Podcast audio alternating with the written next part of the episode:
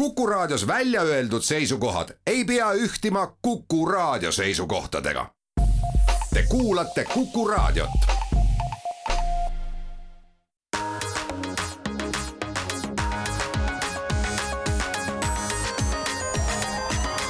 digitund tere hommikust, head Kuku raadio kuulajad, on esmaspäev, kahekümnes juuni ja Digitund alustab. Stuudios on meil täna Mait Tafenau, Indrek Vaheoja ja Andrus Raudsalu. ja kuna me oleme vahepeal teinud siin äh, suviselt erinevaid pikemaid arutelusid, siis otsustasime, et praegu oleks ilmselt paras aeg kokku võtta ka juunikuus äh, laekunud olulised uudised, nii et äh, see tänane Digitunni saade siis põhiliselt keskendubki uudistele.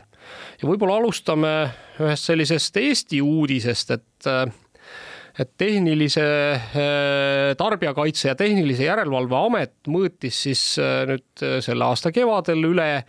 Eesti mobiilse interneti leviala kiirused ja, ja tegi siis ka edetabeli, et, et sellest edetabelist kohe räägime. Aga siis kokku siis tehnilise järelevalveameti inimesed sõitsid läbi umbes kolm tuhat kilomeetrit ja tegid siis peaaegu et kuus tuhat mõõtmist selle, selle reisi jooksul ja, ja noh, võrdlesid siis kõikide juhtivate mobiilioperaatorite kiiruseid ja, ja noh, ütleme, et noh, kui me nüüd tulemusteni jõuame, siis nad avaldasid ära keskmised kiirused ja siis selles nii-öelda võistluses osutus võitjaks Elisa kelle keskmine siis allalaadimiskiirus oli sada üheksa koma kaheksa megabitti sekundis, järgnes talle Telia saja kuue koma nelja megabitiga ja Tele2 kaheksakümne viie megabitiga. aga noh, siit on nüüd küsimus, et, et ma ei tea, kui mõistlik on üldse sellist keskmist kiirust mõõta, eriti kui sa mõõdad seda nagu siis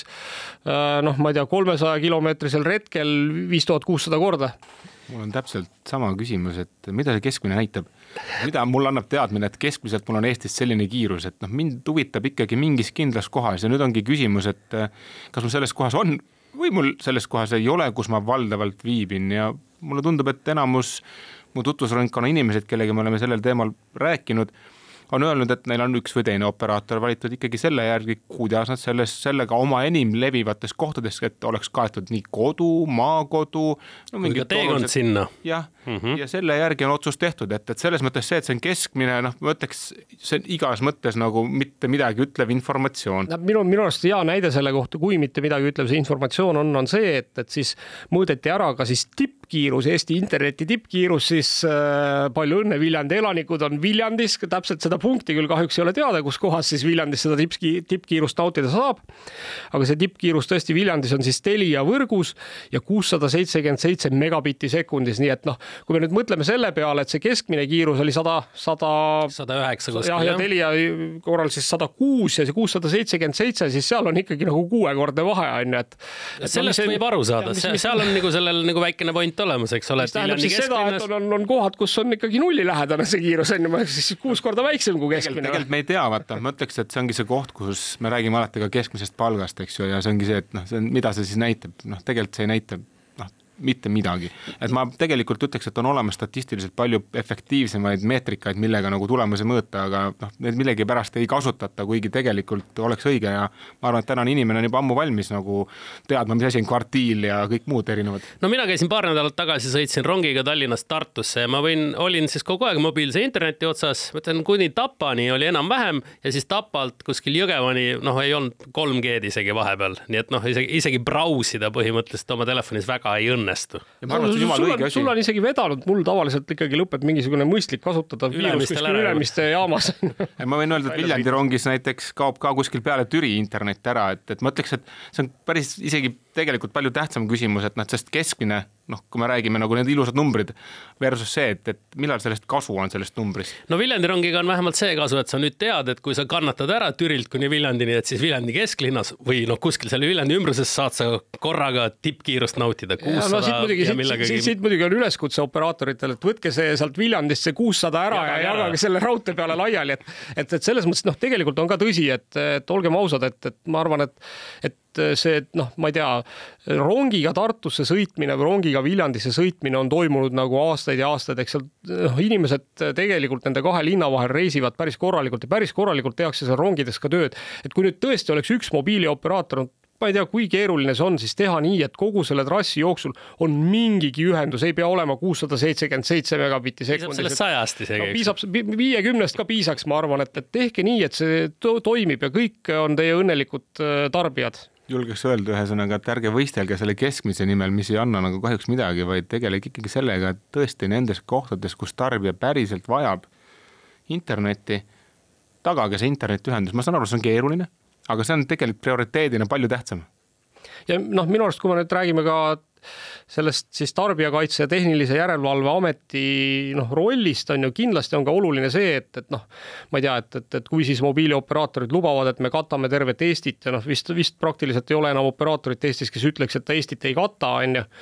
et, et siis on loomulikult oluline ka ikkagi kindlaks teha, et, et noh, see lubadus nagu suures plaanis vähemalt paika peab. aga tegelikult ma arvan, et see, et, et, et, et see peaks paika nagu sellistel nagu trassidel, kus inimesed liiguvad, noh, see on ikkagi ülioluline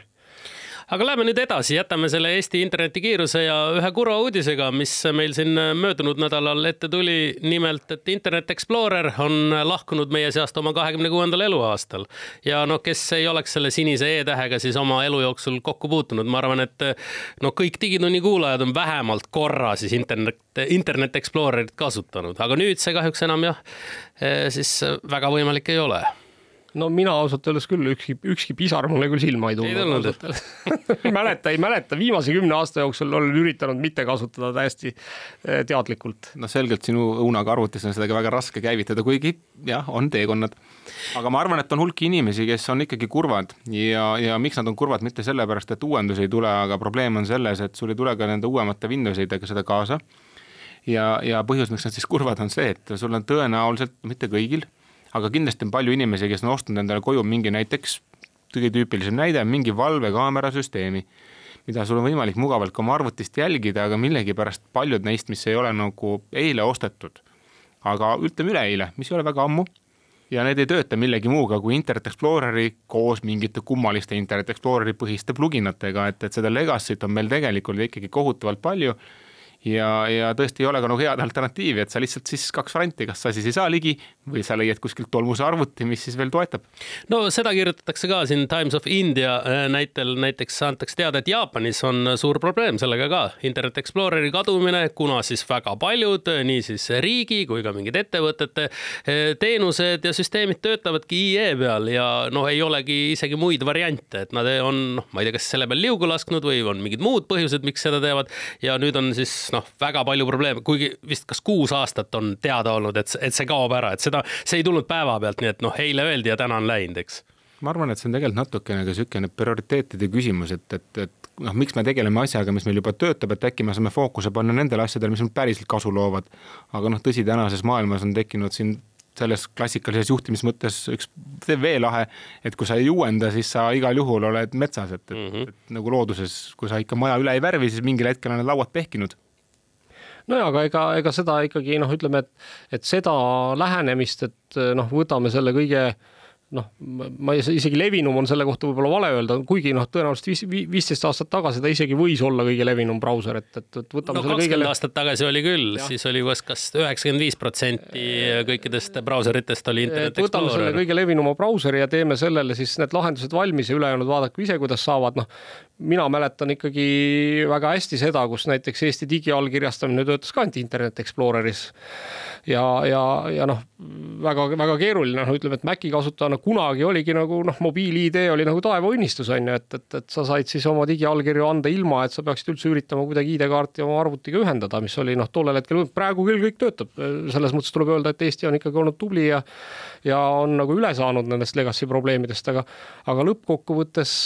jah, et kindlasti on nagu maailmas palju selliseid süsteeme, mis on üles ehitatud nagu ühe tootja mingisugusele standardile. ma tegelikult isegi usun, et selle Internet Exploreri valguses saab väga palju paralleele tuua, et ma usun, et ka meie digiriigis on väga palju teenuseid, mis töötavad umbes samasuguse põhimõttega, et me küll kõik naerame, et ahaa, et miks sa ei uuendanud oma teenust, et Internet Explorer pidi ju ammu surema, samal ajal meil endal võib-olla tiksub veel mingi viiskümmend või sada viiskümmend või kolmsada viiskümmend teenust, mis on samamoodi uuendamata, et me tegelikult peame alati arvestama, et ükskõik, mis tehnoloogia sa endale koju võtad, see automaatselt tähendab, et sa pead temaga ka tegelema. ta ei ole niimoodi, et ma ostsin endale külmkapi järgmised kakskümmend aastat. nüüd on olemas, eks ju? jah mm -hmm mis iseenesest selles mõttes on muidugi jama, et, et noh, kui me mõtleme praegu nende just nimelt nende nutiseadmete peale, noh, nuti, ma ei tea, eks mis iganes nutikülmkapid, noh, mõnes mõttes ka nutitelerid ja nii edasi, on ju, et, et et, et see, et et, et sa tegelikult ju televiisorit ikkagi ei vaheta iga kahe aasta tagant, noh, ma ei tea, võib-olla tänapäeval juba inimesed tõepoolest arvuti vahetavad suhteliselt kiiresti välja, eks, ja telefoni vahetavad ka suhteliselt kiiresti, aga on ikkagi mingisuguseid seadmeid kodus, mida sa vahetad võib-olla kord kümne aasta jooksul.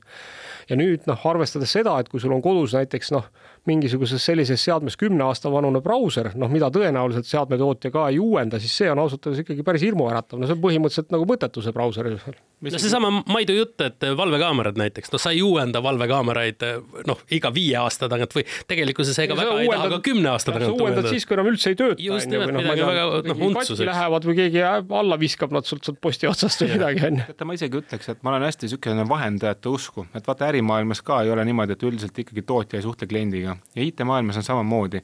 Et äh, nii tarkvaraarenduses oleme liikunud niisuguste konteinerarhitektuuri juurde, kus on palju erinevaid komponente ja kui mõni komponent on uuendamata, siis las ta olla, ta ei sega, samas samal ajal muid arendusi edasi teha ja nad suhtlevad üle liidese. Ja sama asi on näiteks telekatega.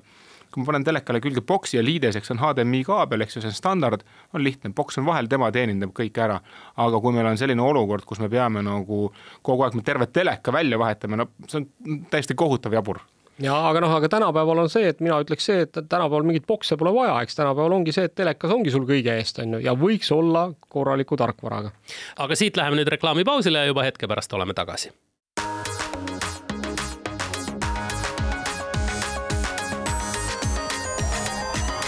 digitund. Digitund jätkab siit oma teise veerandiga. tänane saade on meil siis pühendatud põhiliselt uudistele, mis juunikuu jooksul meieni on saabunud. stuudios on meil Mait Tafenau, Indrek Vaheoja ja Andrus Raudsalu. ja lähme siit kohe edasi sellise noh, ma ütleksin epohhiloova uudisega siis audioraamatute maailmas, et äh, kui pikka aega on ikkagi Amazoni Audible ja audiobooks.com olnud nagu ainukesed sellised suured audioraamatute platvormi pakkujad, siis nüüd on Spotify teatanud, et ka tema plaanib asuda audioraamatute turule. Ja siin on põnev üks teine lisauudis, mis ei olnud küll seotud, aga Spotify on ka omandanud siis ühe ettevõtte, kes siis äh, ma ei tea, siis ai abil suudab realistlikult genereerida inimeselt loetud teksti mm. -hmm. jah, ta, ta vist suudab, suudab jäljendada inimeste hääli, et tegu on siis äh, startup'iga nimega Sonatic ja väidetavalt siis seesama Sonatic on muuseas teinud ka siis äh, praeguse hetke vist top kinofilmis äh, Top Gun Maverick Wall Kilmeri häält Äh, sest teatavasti Paul Kirmer veel oma nii-öelda näoga saab esineda, aga kuna tal on olnud äh, vist mingisugune kõrihaigus, siis oma häält enam teha ei saa ja, ja, ja siis tema jutt on siis genereeritud sellesama Sonaatiku poolt. ja noh, iseenesest on ju tegelikult küsimus selles, et, et neid roboteid, mis äh, noh, suudavad teksti ette lugeda, on meil kõvasti, et noh, näiteks Postimehe artikleid on võimalik ka kuulata nii-öelda robot ettelugeja poolt ette loetuna, aga aga see roboti hääl on ikkagi tihti natukene selline noh, noh natuke puine, ta on noh, ütleme, et uudiste lugemi-, uudiste kuulamiseks tõenäoliselt äh, piisab, aga noh, kui sa pead ikkagi kuulama nagu kaksteist tundi raamatut, siis, siis tõenäoliselt see robot hakkab natuke kõrva kriipima. Ja see, et kui sa nüüd suudad siis selle raamatu ettelugemise juures nagu noh, ikkagi päris mingi tuntud näitleja häält äh, noh, simuleerida, eks, et, et noh, loebki sulle mingisugune noh, väga hea väga hea ja tuntud näitleja selle asja ette, siis see on super ja, ja noh, ma arvan, et, et ega siis lõppkokkuvõttes võib-olla seal noh, ütleme, et kui me need kaks uudist kokku paneme, siis, siis tõenäoliselt Spotify ongi selle nii-öelda kullaaugu avastanud, et ta noh, sisuliselt ostab siis äh, noh, tekstiraamatud või noh, raamatute tekstide õigused ja, ja, ja noh, ütleme, et noh, loomulikult äh, tõenäoliselt selle ai õpetamine käib ikkagi sellesama näitleja abil, eks, kes oma hääle siis nagu maha müüb nii-öelda Spotify'le. aga kui nüüd fantaseerida natuke, siis võib-olla on veidi aja pärast sellest on äh, võimalik ka selline asi, et juba ammu meie seast lahkunud näitlejad, kellega võib-olla ka järglasi enam elus ei ole, eks, et kes siis äh, mingite autorikaitsetasudega pöörduma hakkavad. no kas ei oleks või, või võrratu kuulata siis äh, kahekümnenda sajandi alguse suurte näitlejate või no ma ei tea, muusikute poolt ette loetuna mingeid raamatuid? ja miks mitte, see oleks, see oleks päris äge, eriti neid sõnu, eks, mida nad loevad, mida nende ajal veel Just olemas ei olnud. noh, ikka täis fantastika. aga see on hea näide, vaata, kuidas äri, kes on siis muidu keskendunud muusikale, üritab tegelikult saada nagu selle full eetri. et kui te olete tähele pannud, siis Spotify's on mõnda aega olemas olnud ka erinevad kuuldemängud, väga tippnäitlejate poolt tehtud ja nüüd nad teevad raamatuid ja tegelikult nad võitlevad väga selle eest, et see kõik aeg, mis me veedame midagi kuulates, oleks ikkagi Spotify's, et me vahepeal ei paneks ennast raadio peale, me ei paneks ennast kuskile mõne teise raamaturakenduse peale, et see kõik tuleb sealt ja. no podcast'id on ju ka väga palju, kuulatakse Spotify'st täpselt samamoodi ja siis ei olegi lõppkokkuvõttes enam vahet, eks ole, et kuulad mussi sealt, kuulad oma podcast'e sealt ja audioraamatut täpselt samamoodi otsa, nii et jääb veel ainuke küsimus, et noh, kas raadiot ka siis otse Spotify'sse. just, oleks hea, ma ütleks ausalt, ma tegelikult ootaks aga lähme siit edasi, et teine ettevõte nimega Netflix on siin palju struggle inud äh, erinevate nagu ellujäämistega ja, ja need on palju kritiseeritud selle eest, et, et neil on palju konkurente ja selle tõttu on börsil hinnad langenud ja kõike muud. ka nemad on palju pingutanud selle nimel, et oleks mingeid veel lisaväärtuseid. ja ma ei tea, palju teist on kunagi proovinud, aga Netflixil on olemas ka mängud. Need on küll, töötavad Androidis ja iPhone'ile peaks mingil hetkel tulema,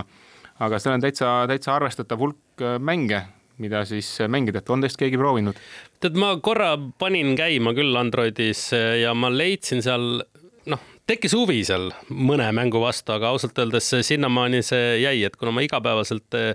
oma kodumasinatega Androidi taga ei toimeta, siis, eh, siis ta sinna jäigi ajapuudusel, ajapuudusel ei, aga muidu seal tundus täitsa isegi olevat mingid strateegiamängud ja, ja nii, et noh, et seal ei ole ainult, et mingid pallikesed kukuvad ja säti neid õigesse kohta, eks ju, et vaid ikkagi täiesti asised mängud. no ja lõppkokkuvõttes on ju see, et, et ega siis tihtilugu need mängud ongi ju baseeruvad mingitel teistel frantsiisidel või noh, mingisugusel intellektuaalomandil ja noh Netflixil on ikkagi kõvasti seda intellektuaal, intellektuaalomandit siis äh, läbi oma filmide ja seriaalide käes, nii et noh, ütleme, et kõikidele nendele noh, nii-öelda populaarsematele teha siis oma mängud on ju noh, ütleme, et, et sa lihtsalt laiendad sedasama juba õigemini pakud sellele samale auditooriumile, eks, kes, kes, kes võib-olla noh, ka vahepeal ootab sellesama nagu seriaali siis järgmist hooaega on ju, pakud vahepeal võimalust mängida mängu, eks, et nad võõraks ei jääks ja, ja meil on mingisugused tuntud sarjad, eks ju, nagu Stranger Things, selle mäng on olemas, seda saab seal mängida, siis nad announce isid ühe legendaarse lauamängu nimega Exploding Kittens, mis on siin juba viimased palju aastaid juba ka Eesti turgudel inimeste taskusse koju jõudnud, eks ju. et ka see tuleb sinna saadavale, vist, vist ei ole veel saadaval. ja lisaks üks fun uudis, et, et kui te teate niisugust eh, show'd nagu Squid Game, oli hulk siis eh, skandaali tekitanud Aasiast pärit eh, sari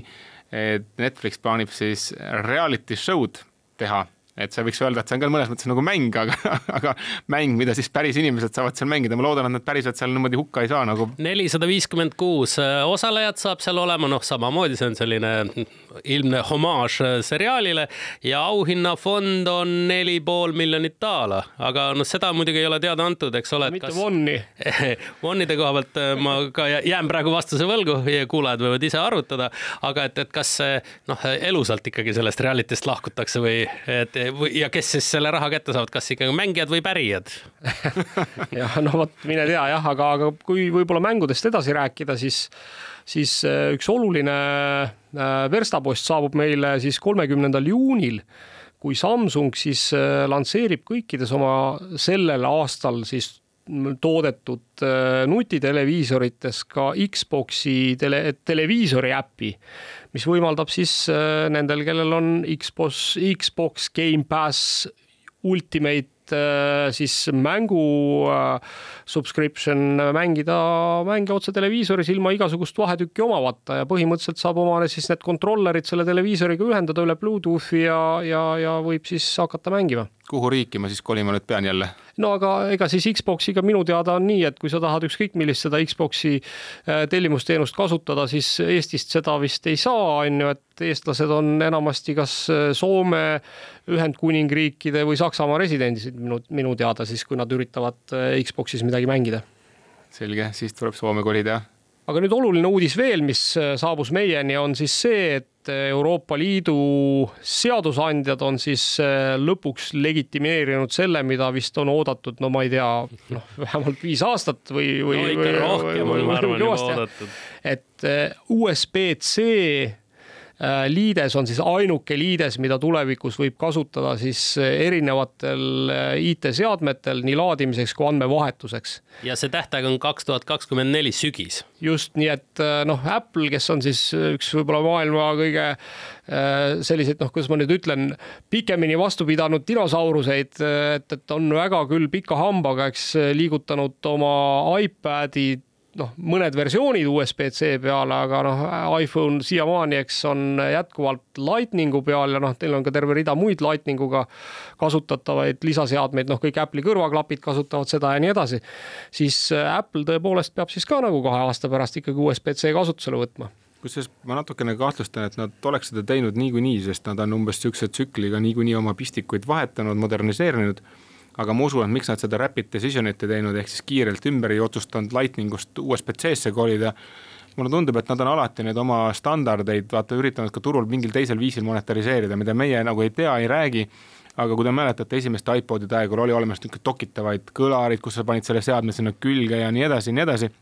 ja kujuta nüüd ette, et sa oled selle standardi välja lubanud, teised on kõik seda teed läinud, sul kaob see nagu usaldusväärsus, et, et, et me panime sinu peale, mängisime sinu peale välja, tegime meeletud investeeringuid ja nüüd sa jälle muudad oma standardi ja nüüd need kõik telefonid enam ei ühildu mu Maci külge, autosse, kuhu iganes need sinna pandi. no võib-olla on Apple'i puhul ikkagi see, et, et kuna nende, ma ei tea, mulle tundub niimoodi, et noh, sihuke üks suur osa business'ist ongi erinevad juhtmed ja kõikvõimalikud see,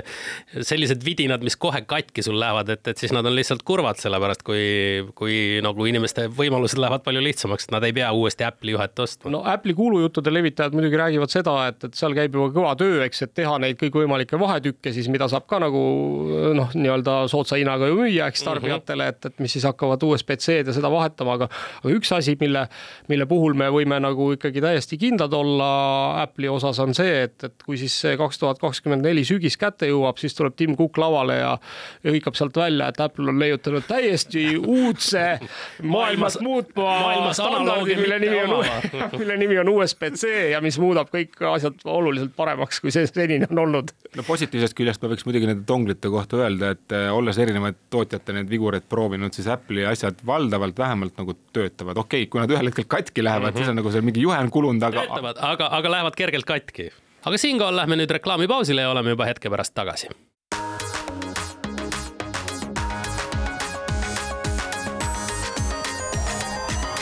digitund tere tulemast tagasi Digitundi. stuudios on Mait Tafenau, Andrus Raudsalu, Indrek Vaheoja. räägime nüüd ühest kohtuasjast ka, mis on puudutamas no maailma ühte tuntuimat digimeest üldse, Elon Musk'i ja ta on nüüd siis kohtusse kaevatud. summa, mida temalt ja tema erinevatelt kompaniidelt välja tahetakse mõista, on enam kui kolossaalne, see on kakssada viiskümmend kaheksa miljardit dollarit ja põhisüüdistus, mida siis üks Dogecoini investor on ette pannud, on siis see, et Elon Musk on, on siis ehitanud püramiidskeemi selle jaoks, et siis äh, ise sealt äh, kasu saada. Ja noh, nagu öeldud sai, eks ole, kõik tema kompanii Tesla ja SpaceX ja Elon Musk ise on siis kohtusse kaevatud. Ja kuna siis oli siin mäletatavasti selline juhtum, kui Elon Musk siis äh,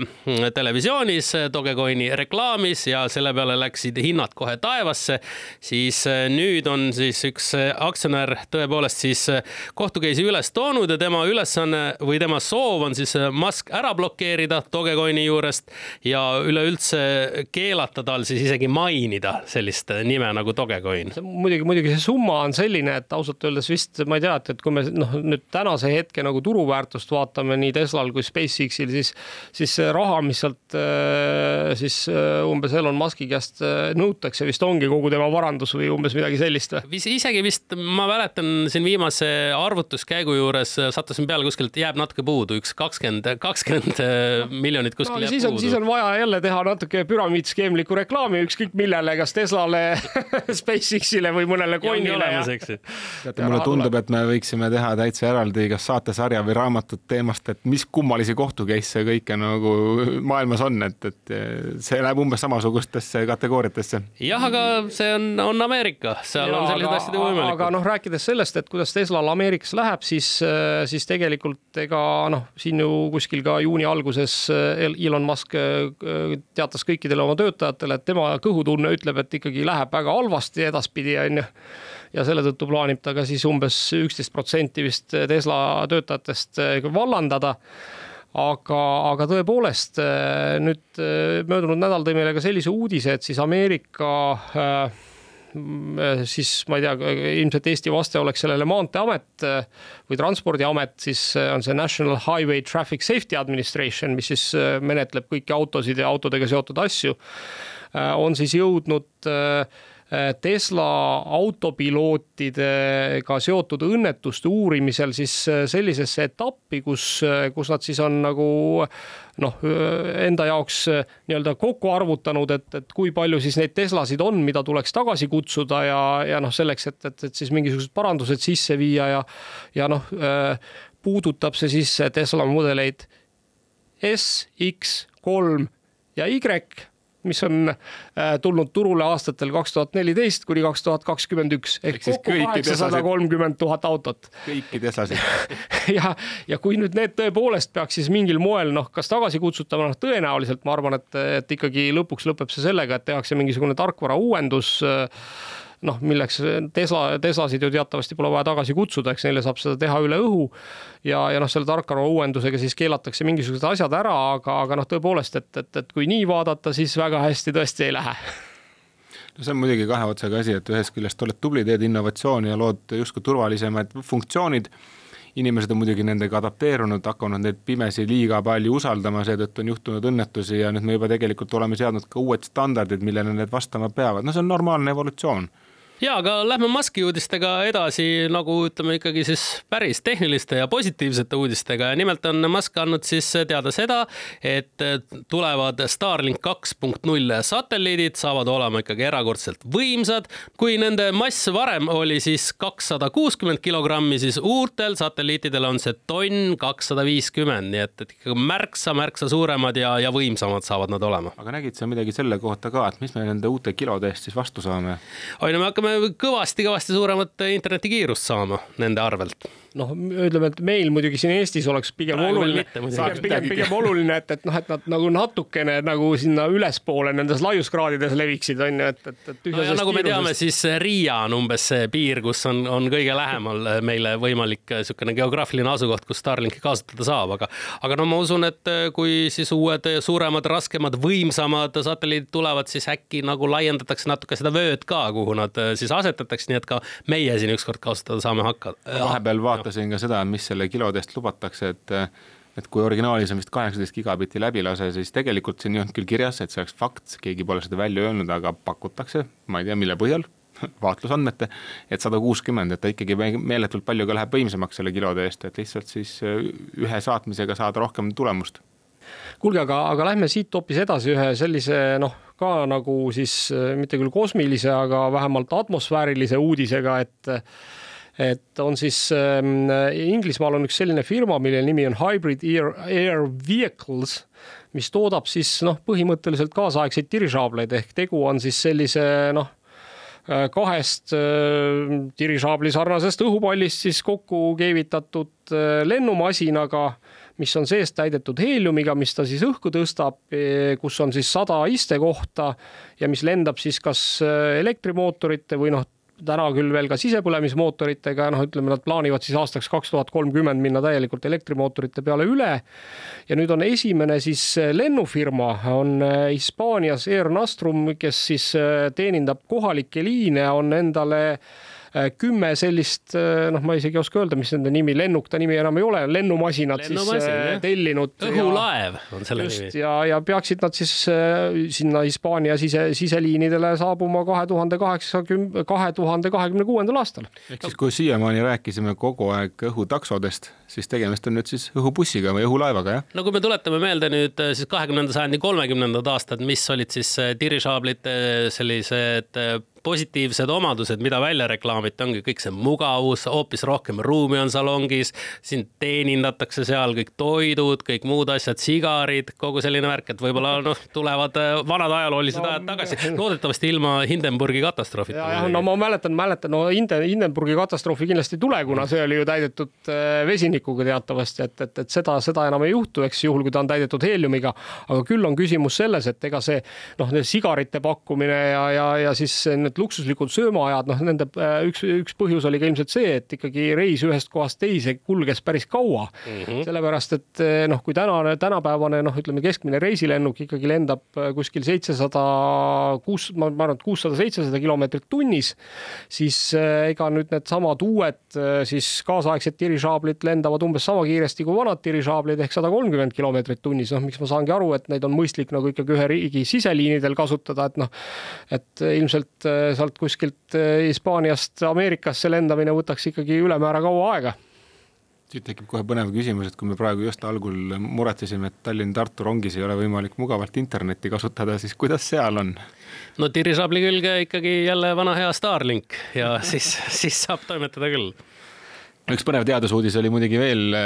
et kui palju on pikka aega tagasi räägitud igasugustest kloonimistest, siis väidetavalt hiinlastel, kes on siis teadupoolest maailma kõige suuremad sealihatarbijad. kõige suuremad kloonijad ka kusjuures no vot, õnnestunud kloonida sigu ilma inimsekkumiseta, ehk siis, et ähm, ai tegutseb ja, ja põhimõtteliselt inimesel ei muud üle, kui ainult vajutada ikkagi arvuti käima ja siis lähevad asjad tööle. seitse väikest põrsast sündis siis surrogaatemal märtsikuus. Nii et jah, inimene vahele ei sekkunud. edaspidi saad tellida siis endale Hiinast ja Aliekspressist eh, masina kes aitab? mina, mina, mina muidugi ootaks ikkagi Hiinast seda uudist, et, et, et millal nagu sigade abil klooniti ai see võib ka tulla, aga see on kindlasti väga ohtlik igasuguste mm, erinevate tagauste ja kõige muu sellise koha pealt. kuulge, aga jätkame siit siis võib-olla loomade ja Aasia teemadel, et et kui äh, siin Mait mõned saated tagasi tegi selle võrdluse, et äh, kui me rääkisime järgmistest andmesalvestajatest, mis teatavasti sisaldasid ka teemanteid äh, ja, ja tänu sellele olid siis väga suure mahuga ja Mait tõi selle võrdluse, et alati on tuvipost kiirem kui internetiühendus et, et kui see andme, andmekandja siis tuvi selga nii-öelda kleepida ja saada see, saata see tuvi siis äh, tuhande miili kaugusele, et siis tuvi jõuab kiiremini kohale kui see data, siis äh, võta nüüd näpust, et äh, siiski Jaapanis rahvuslikus siis informatsiooni ja kommunikatsioonitehnoloogia instituudis tehti siis selline katsetus, kus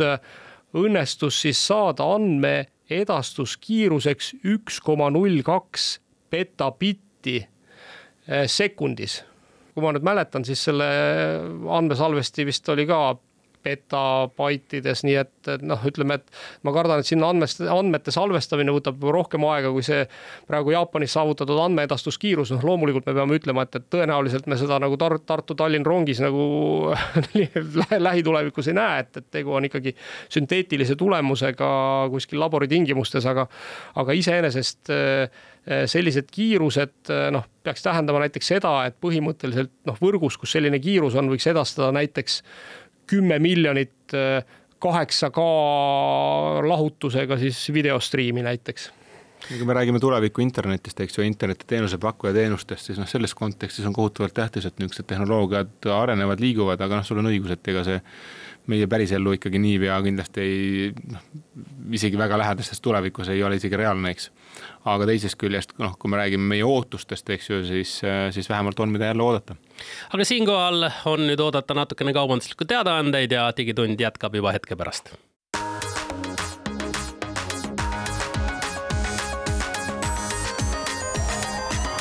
digitund. digitund jätkab oma neljanda veerandiga, toome teieni uudiseid äh, digimaailmast ja stuudios on meil Mait Tafenau, Indrek Vaheoja ja Andrus Raudsalu. ja noh, lähme nüüd kodumaiste Apple'i uudiste juurde, et äh, vist saabus meil eelmise nädala lõpus rõõmusõnum.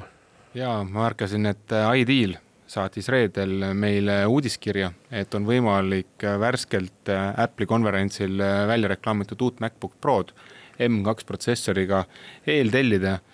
nii et äh, kes on suured fännid ja tahavad esimesena M2 protsessoriga arvutit omale saada, siis äh, minge nüüd ruttu ja pange ennast kirja. kuule, aga Mait, miks, miks peaks üldse inimene tahtma endale M2 protsessoriga arvutit saada, et, et...? no aga teisest küljest, kui sa täna tahad arvutit osta, miks sa peaks ostma veel M1, kui tuli välja M2? M1 on näiteks poest saada, üks, üks, üks hea põhjus jah, aga kui sa nagu homseks päris ei vaja, aga tahad ülehomseks arvutit, siis hea võimalus ette tellida uus, ta on okei okay,, tal on tegelikult eelised küll, et ta on natukene võimsam kui eelmine M1 oli et kui me räägime nagu tavalisest äh, esimesest M1-st, mitte siis, mis sa saad Ultra ja Maxi osta endale,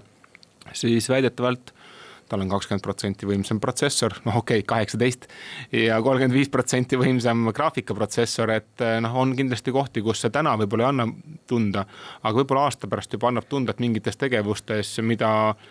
tegid eelmise arvutiga versus mm. praegusega on rohkem tunda, et noh. see tähendab, kas see tähendab ka kaheksateist protsenti kõrgemat hinda või? Või ega ma ei tea, kas seda on juba teada ka või? no ütleme niimoodi, et tegelikult hindadega minu arust on väga selge trend olnud kogu aeg, et vaikselt kasvavad, et ilmselgelt on ka need Apple'i tooted hakanud vaikselt jällegi kallimaks minema, et, et noh, nii lihtsalt on mm. -hmm. et see ei ole isegi tingitud minu arust ainult sellest M2-st, vaid tervikuna, et on tunda niisugust väikest hinnatõusu igal pool. Mina muidugi ütleks siin ausalt, öeldes ainult ühe kivi viskaks ikkagi Apple'i kapsaaeda, et et eh, nüüd me oleme jõudmas sinnasamasse noh, sellesse, mulle tundub sellesse aega, mis oli siis sellel vahepeal, kui Steve Jobs korra Apple'ist ära saadeti, ennem kui ta tagasi tuli, oli see, et Apple'il oli kolmkümmend viis erinevat arvutit, eh, millel olid väga erinevad nimetused, mis koosnesid väga erinevatest tükkidest ja keegi, keegi ei saanud aru, mis pagan need arvutid siis, mil, mille poolest nad üksteisest erinevad, eh, miks peaks üks ühte teisele eelistama ja nüüd ma hakkan, nüüd mul on niisugune tunne, et me hakkame nagu jõudma sinnasamasse, et sul on M2, aga siis on M1 ultra, mis on tegelikult parem kui M2 on ju. aga noh, nüüd kas näiteks M2 Pro või ma ei tea, mis iganes Max on parem kui M1 Ultra. noh, ja me jõuame noh, totaalse jurani selles mõttes, et tegelikult ausalt öeldes Apple oleks võinud ikkagi kuidagi nagu mõelda selle peale, et, et, et teha asi lihtsaks, kui tahad nagu kõva asja osta viis, kui tahad no, vähem kõva asja osta neli on ju, veel vähem kõva asja osta kolm on ju, noh, see oleks olnud lihtne on ju. aga nüüd on meil mingisugused Prod, Ultrad, Maxid ja nii edasi ja sa tegelikult ei tea enam, mida sa, mida sa ostma peaksid, minu arust on see väga segadust tekitav. on, on, on segane ja tegelikult, kui me vaatame sinna paralleeli näiteks, et noh, Intelil on olnud ka ju viienda seeria, seitsmenda seeria, nüüd on üheksanda seeria protsessorid, aga samal ajal loeb väga palju, kas oli kaks tuhat kümme, kaks tuhat kaksteist, kaks tuhat kuusteist näiteks, et need aastad on olnud erinevate nagu tulemustega, et et selles mõttes, ega need parameetrid on alati palju ja midagi teha ei ole, kui sa mingis valdkonnas oled, siis noh, mingisuguse segaduse pead sa kahjuks ära kannatama vist aga teisest küljest ma ütleks, et noh, et kui sa käid ainult internetis, siis sind tegelikult üldsegi, ma arvan, ei huvita, mis protsessor sul täpselt on, nii et noh, sa ei keskendu sellele. ja kui sa tahad midagi rohkem teha arvutiga, et noh, küllap see ei ole enam nii keeruline asi, mida selgeks teha nojah, aga nüüd, kui me jõuame sellesama nende nii-öelda vanemate ja uuemate Apple'i toodeteni, siis noh, on jõudnud ka selline huvitav uudis meieni, et siis Inglismaal on äh, Apple'i vastu siis äh, alustatud suurt kohtuasja, kus Apple'i käest nõutakse kokkuvõttes siis äh, seitsesada kuuskümmend kaheksa miljonit Inglise naela, noh, mis on kuskil umbes üheksasada viiskümmend miljonit dollarit selle eest, et siis äh, noh, tegelikult on neid kohtuasju juba varem olnud ja need on justkui nagu erinevates maades kuidagi ära klatitud, aga see Inglismaa oma on ikkagi oma summaliselt kõige suurem selle eest, et, et Apple siis mingil hetkel hakkas oma vanemaid iPhone'e muutma tarkvaraliselt aeglasemaks. See puudutab siis iPhone kuus, kuus pluss, kuus S, kuus S pluss, SE seitse, seitse, seitse pluss, kaheksa, kaheksa pluss ja iPhone X mudeleid. aga siin on minu arust nagu palju nagu huvitavaid neid küsimusi, et esiteks mõni aeg tagasi oli Ameerikas samasugune case äh, kaevati kohtusse ja see oli see põhjus, miks Apple tõi oma telefonides nähtavale battery health funktsiooni, ehk siis Apple'i claim oli see, et teate, tegime küll aeglasemaks, aga me tegime seda sellepärast, et kui teie aku mingil hetkel on, äh, tema võimekus on langenud, siis midagi teha ei ole, ka see nii-öelda öeldakse peak performance ehk siis nagu see tippvõimsus nõuab nii palju võimsamat voolu ja kui su aku enam seda välja ei anna, siis meil on valida kahe asja vahel, kas A, me piirame maksimaalset võimsust või B, su telefon lihtsalt mingil hetkel võib pildi tasku panna. et selles mõttes me tegime tegelikult tarbija huvides parema otsuse noh, loomulikult jäi natukene häguseks see, et, et kas see aku eluiga päriselt on nagu madal versus nagu on ta kunstlikult madal, aga, aga noh, loodame, et ikkagi see oli heast tahtest tehtud, et, et mis siis selle kohtu case'i sisu oli, kas seal on kuidagi selgust? no tegelikult mulle tundub, et see kohtu case on täpselt nendest samadest äh, nii-öelda äh, juurtest välja kasvanud, et, et noh, lihtsalt ega küsimus on ju selles, et Ameerikas äh, saadud kohtulahend ei kehti Inglismaal, nii nagu Inglismaal kehti, saadud kohtulahend ei kehti Ameerikas ja nüüd noh, äh, ütleme, et siis Inglise tarbijakaitsjad üritavad siis noh, põhimõtteliselt kõikidele iPhone'i omanikele, kes selles mingis vahemikus on siis ühte neist iPhone idest omanud, keda siis arvatakse kokku olevat umbes kakskümmend viis miljonit, igale ühele saada siis Apple'i käest väikese raha, noh, see teeb vist umbes kolmkümmend naela näo kohta või midagi sellist. uue ajastu Robin Hoodid on jällegi sündinud. aga, aga noh, jah, et kas see nüüd neid kasutajaid õnnelikumaks teeb või mitte, seda on muidugi raske öelda aga iseenesest noh, teistpidi jällegi noh, ma ei tea, eks olles olnud ka pikaaegselt iPhone'i kasutaja, siis noh, viimastel aegadel mul seda tunnet ei ole olnud, aga mingitel hetkedel oli küll selline tunne, et niipea kui nagu uus toode välja kuulutati, siis see vana toode, noh ja tavaliselt muidugi uus toode kuulutatigi välja koos uue opsüsteemi ja kõikide muude asjadega ja kui need kõik saabusid, siis see vana toode läks küll kuidagi nagu aeglasemaks, et et just nagu oleks käsu saanud, et, et mine viiekümne protsendi peale, noh, ilmselt see ei ole tõsi, aga. no seda selles kohtuasjas ikkagi väidetakse, et, et niimoodi oli, aga ega seda, seda siis otsustab kohus. päeva lõpuks ma arvan, et eks selles mõttes ma natuke olen isegi nõus, et ma olen ka sarnast kogemust kogenud, aga, aga noh, see on alati niivõrd hägune, et, et teisest küljest tehnoloogia läheb uuemaks ja me ootame nagu kogu aeg, et ka mingeid uusi funktsionaalsuseid küsimus, et kas nad oleks võinud seda optimeerida paremini vana telefoni jaoks, noh, see on niisugune koht, kus Apple ütleb, et kuule, aga ole rõõmus, et me su vanale telefonile üldse uue operatsioonisüsteemi välja lasime, et et muidu peaksid sa lihtsalt minema viskama, nüüd sa kasutad küll aeglasemat, aga vähemalt on ta ikkagi endiselt turvaline, vastab nendele samadele nõuetele, standarditele, et võta nüüd kinni jah, ega selles mõttes, et kui me nüüd lähme Androidi maailma üle hüppame, siis, siis eh, noh, seal tegelikult ikkagi väga paljudel Androidi kasutajatel üldse seda luksust ei ole, et, et eh, noh, ma ei tea, järgmise või veel enam ülejärgmise või üle-ülejärgmise põlvkonna opsüsteem sinu telefonil käima üldse läheb. ja nad by the way lähevad samamoodi aeglaseks, mis siis, et uuendusi ei tulnud, on samamoodi on erinevad probleemid, miks see telefon enam järsku ei kõlba kasutada okei okay,, aga, aga lähme siit äh, edasi hoopis äh, teise olulise arenguga. Ja nimelt nüüd on, nüüd on midagi, et noh, ma ei tea, te kuulsite seda meie juurest esimest korda. pange tähele, aastal tuhat üheksasada kaheksakümmend seitse siis tuli esmakordselt välja selline formaat nagu GIF, noh, tõenäoliselt täna ei pea kellelegi seletama, mis asi see on, kõik on Liikub seda GIF-i, kõik on seda GIF-i näinud. Ja, ja, ja, ja, ja, ja tõepoolest nüüd on siis ettevõtte nimega Looking Glass kes üritab turule tuua, noh, ma ütleks siis kahekümne esimese sajandi GIF-i ehk äh, me kõik oleme näinud noh, mingisuguseid 3D pilte, ruumilisi pilte, hologramme ja nii edasi. et nüüd, kui te kujutate ette, raadio kahjuks pilti ei näita, siis see, mida nad tegelikult äh, võimaldavad teha, on see, et, et siis lihtsate meetoditega nii-öelda mitmest kohast pildistades teha mingitest objektidest äh, nii-öelda kolm, 3D mudelid, mida siis näidatakse noh, ütleme tavalise niisuguse 2D pildina, aga kui sa seda pilti liigutad, siis see pilt natuke pöörab ennast nii-öelda, on niisugune parallaksi efekt ja siis tõepoolest noh, ütleme, et silmale tundub see asi kõik täiesti ruumiline. nii et äh, ma usun, et lähitulevikus me saame tegelikult näha neid samu Looking Glassi äh, nii-öelda 3D kihve igal pool üle terve interneti. aga räägime nüüd natukene toidu tegemisest ka ja sellest, et tehisintellekt on toidu tegemisse jõudnud ja nimelt on siis Itaalias peetud Euroopa suurimat köögimessi nimega Euro Cucina, mis on osa siis suurest mööbli ja disainimessist Salone del Mobile. seal on, käis kohapeal kolmsada seitsekümmend tuhat külastajat saja kaheksakümnest riigist ja kohale siis pandi üles ilmselt kõige suurem noh, ma ei tea, kogus köögimööblit ja köögitehnikat tehnikat üldse, mis siis äh, tutvustasid uusi trende meil toidu valmistamises ja, ja kodumasinates üldse ja võib-olla selline väikene, äh, ma tahaks loota, et lõbus ülevaade siis ka ja mis uued, uued sellised põnevad suunad on. no Sharp on toonud siis mikrolaineahju, mida saab siis juhtida häälkäsklusega, see ühendub näiteks Alexaga ja on võimalik siis ahjule oma diivani pealt öelda seitsekümmend käsklust umbes ja viiskümmend retsepti eelseadistust ka. Eh, on eh, Samsung tutvustanud sellist ahju, mis on, ma arvan, iga sellise inimese, kes on köögi ja toidu tegemise võõras suur-suur selline abimees. ahjul on kaamerad ja sensorid, mis tunnevad siis ära, mida te küpsetama hakkate ja oskab välja pakkuda ka õige programmi, kui palju küpsetada, millise kuumusega, millal kuumust tõsta, millal seda langetada Siemens on välja toonud iSensoric tehnoloogiaga ahjud, mis siis on ka sisemise kaameraga varustatud, mis siis jälgib seda, kuidas toit pruunistub, mõõdab temperatuuri, mõõdab niiskust ja annab siis teada, kui tema arvates hakkab toit valmis saama. et ise ei pea jällegi suurt midagi tegema siis on veel väga põnev lahendus ühele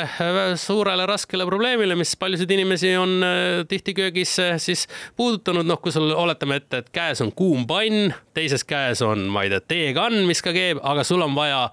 siis kraanist vett lasta, täpselt samal ajal, mida teha? selline firma nagu Guglielmi on siis toonud välja nutika segisti nimega Voce, mis siis laseb vett, keerab kraani kinni, keerab lahti, reguleerib temperatuuri siis ainult hääle järgi, nii et kui sa hommikul tuled kööki ja ei jaksa ise selle kraaniga jantida, siis ütled kõva häälega, et nii, nüüd kuuma vett temperatuuril seitsekümmend kaks kraadi, kolmsada milliliitrit ja sa saadki selle wow.. vot mina nüüd muidugi äh, ootaks, et see Voce kaks nulli, eks, et kus sa saad öelda ka lisaks kuumale veele, et külma õlut äh, viissada milliliitrit või pits viina. no seda sa saad ilmselt LG-le öelda, kelle suured külmkapid, intelligentsed külmkapid olid ka äh, siis näitusel väljas, mis igasuguste muude informatsiooni põhjal, mis seal kapis olemas on, mis vajab juurdeostmist, pakuvad ka võimalust, et sellises nelja sektoriga kapis kahe sisemise sektori sees kasvatatakse ise köögivilja, nii et külmkapp kasvatab sinu eest ka köögivilja valmis. aga nendel ilusatel maitsvatel toonidel tänane Digitund lõpetab, kohtume juba nädala aja pärast.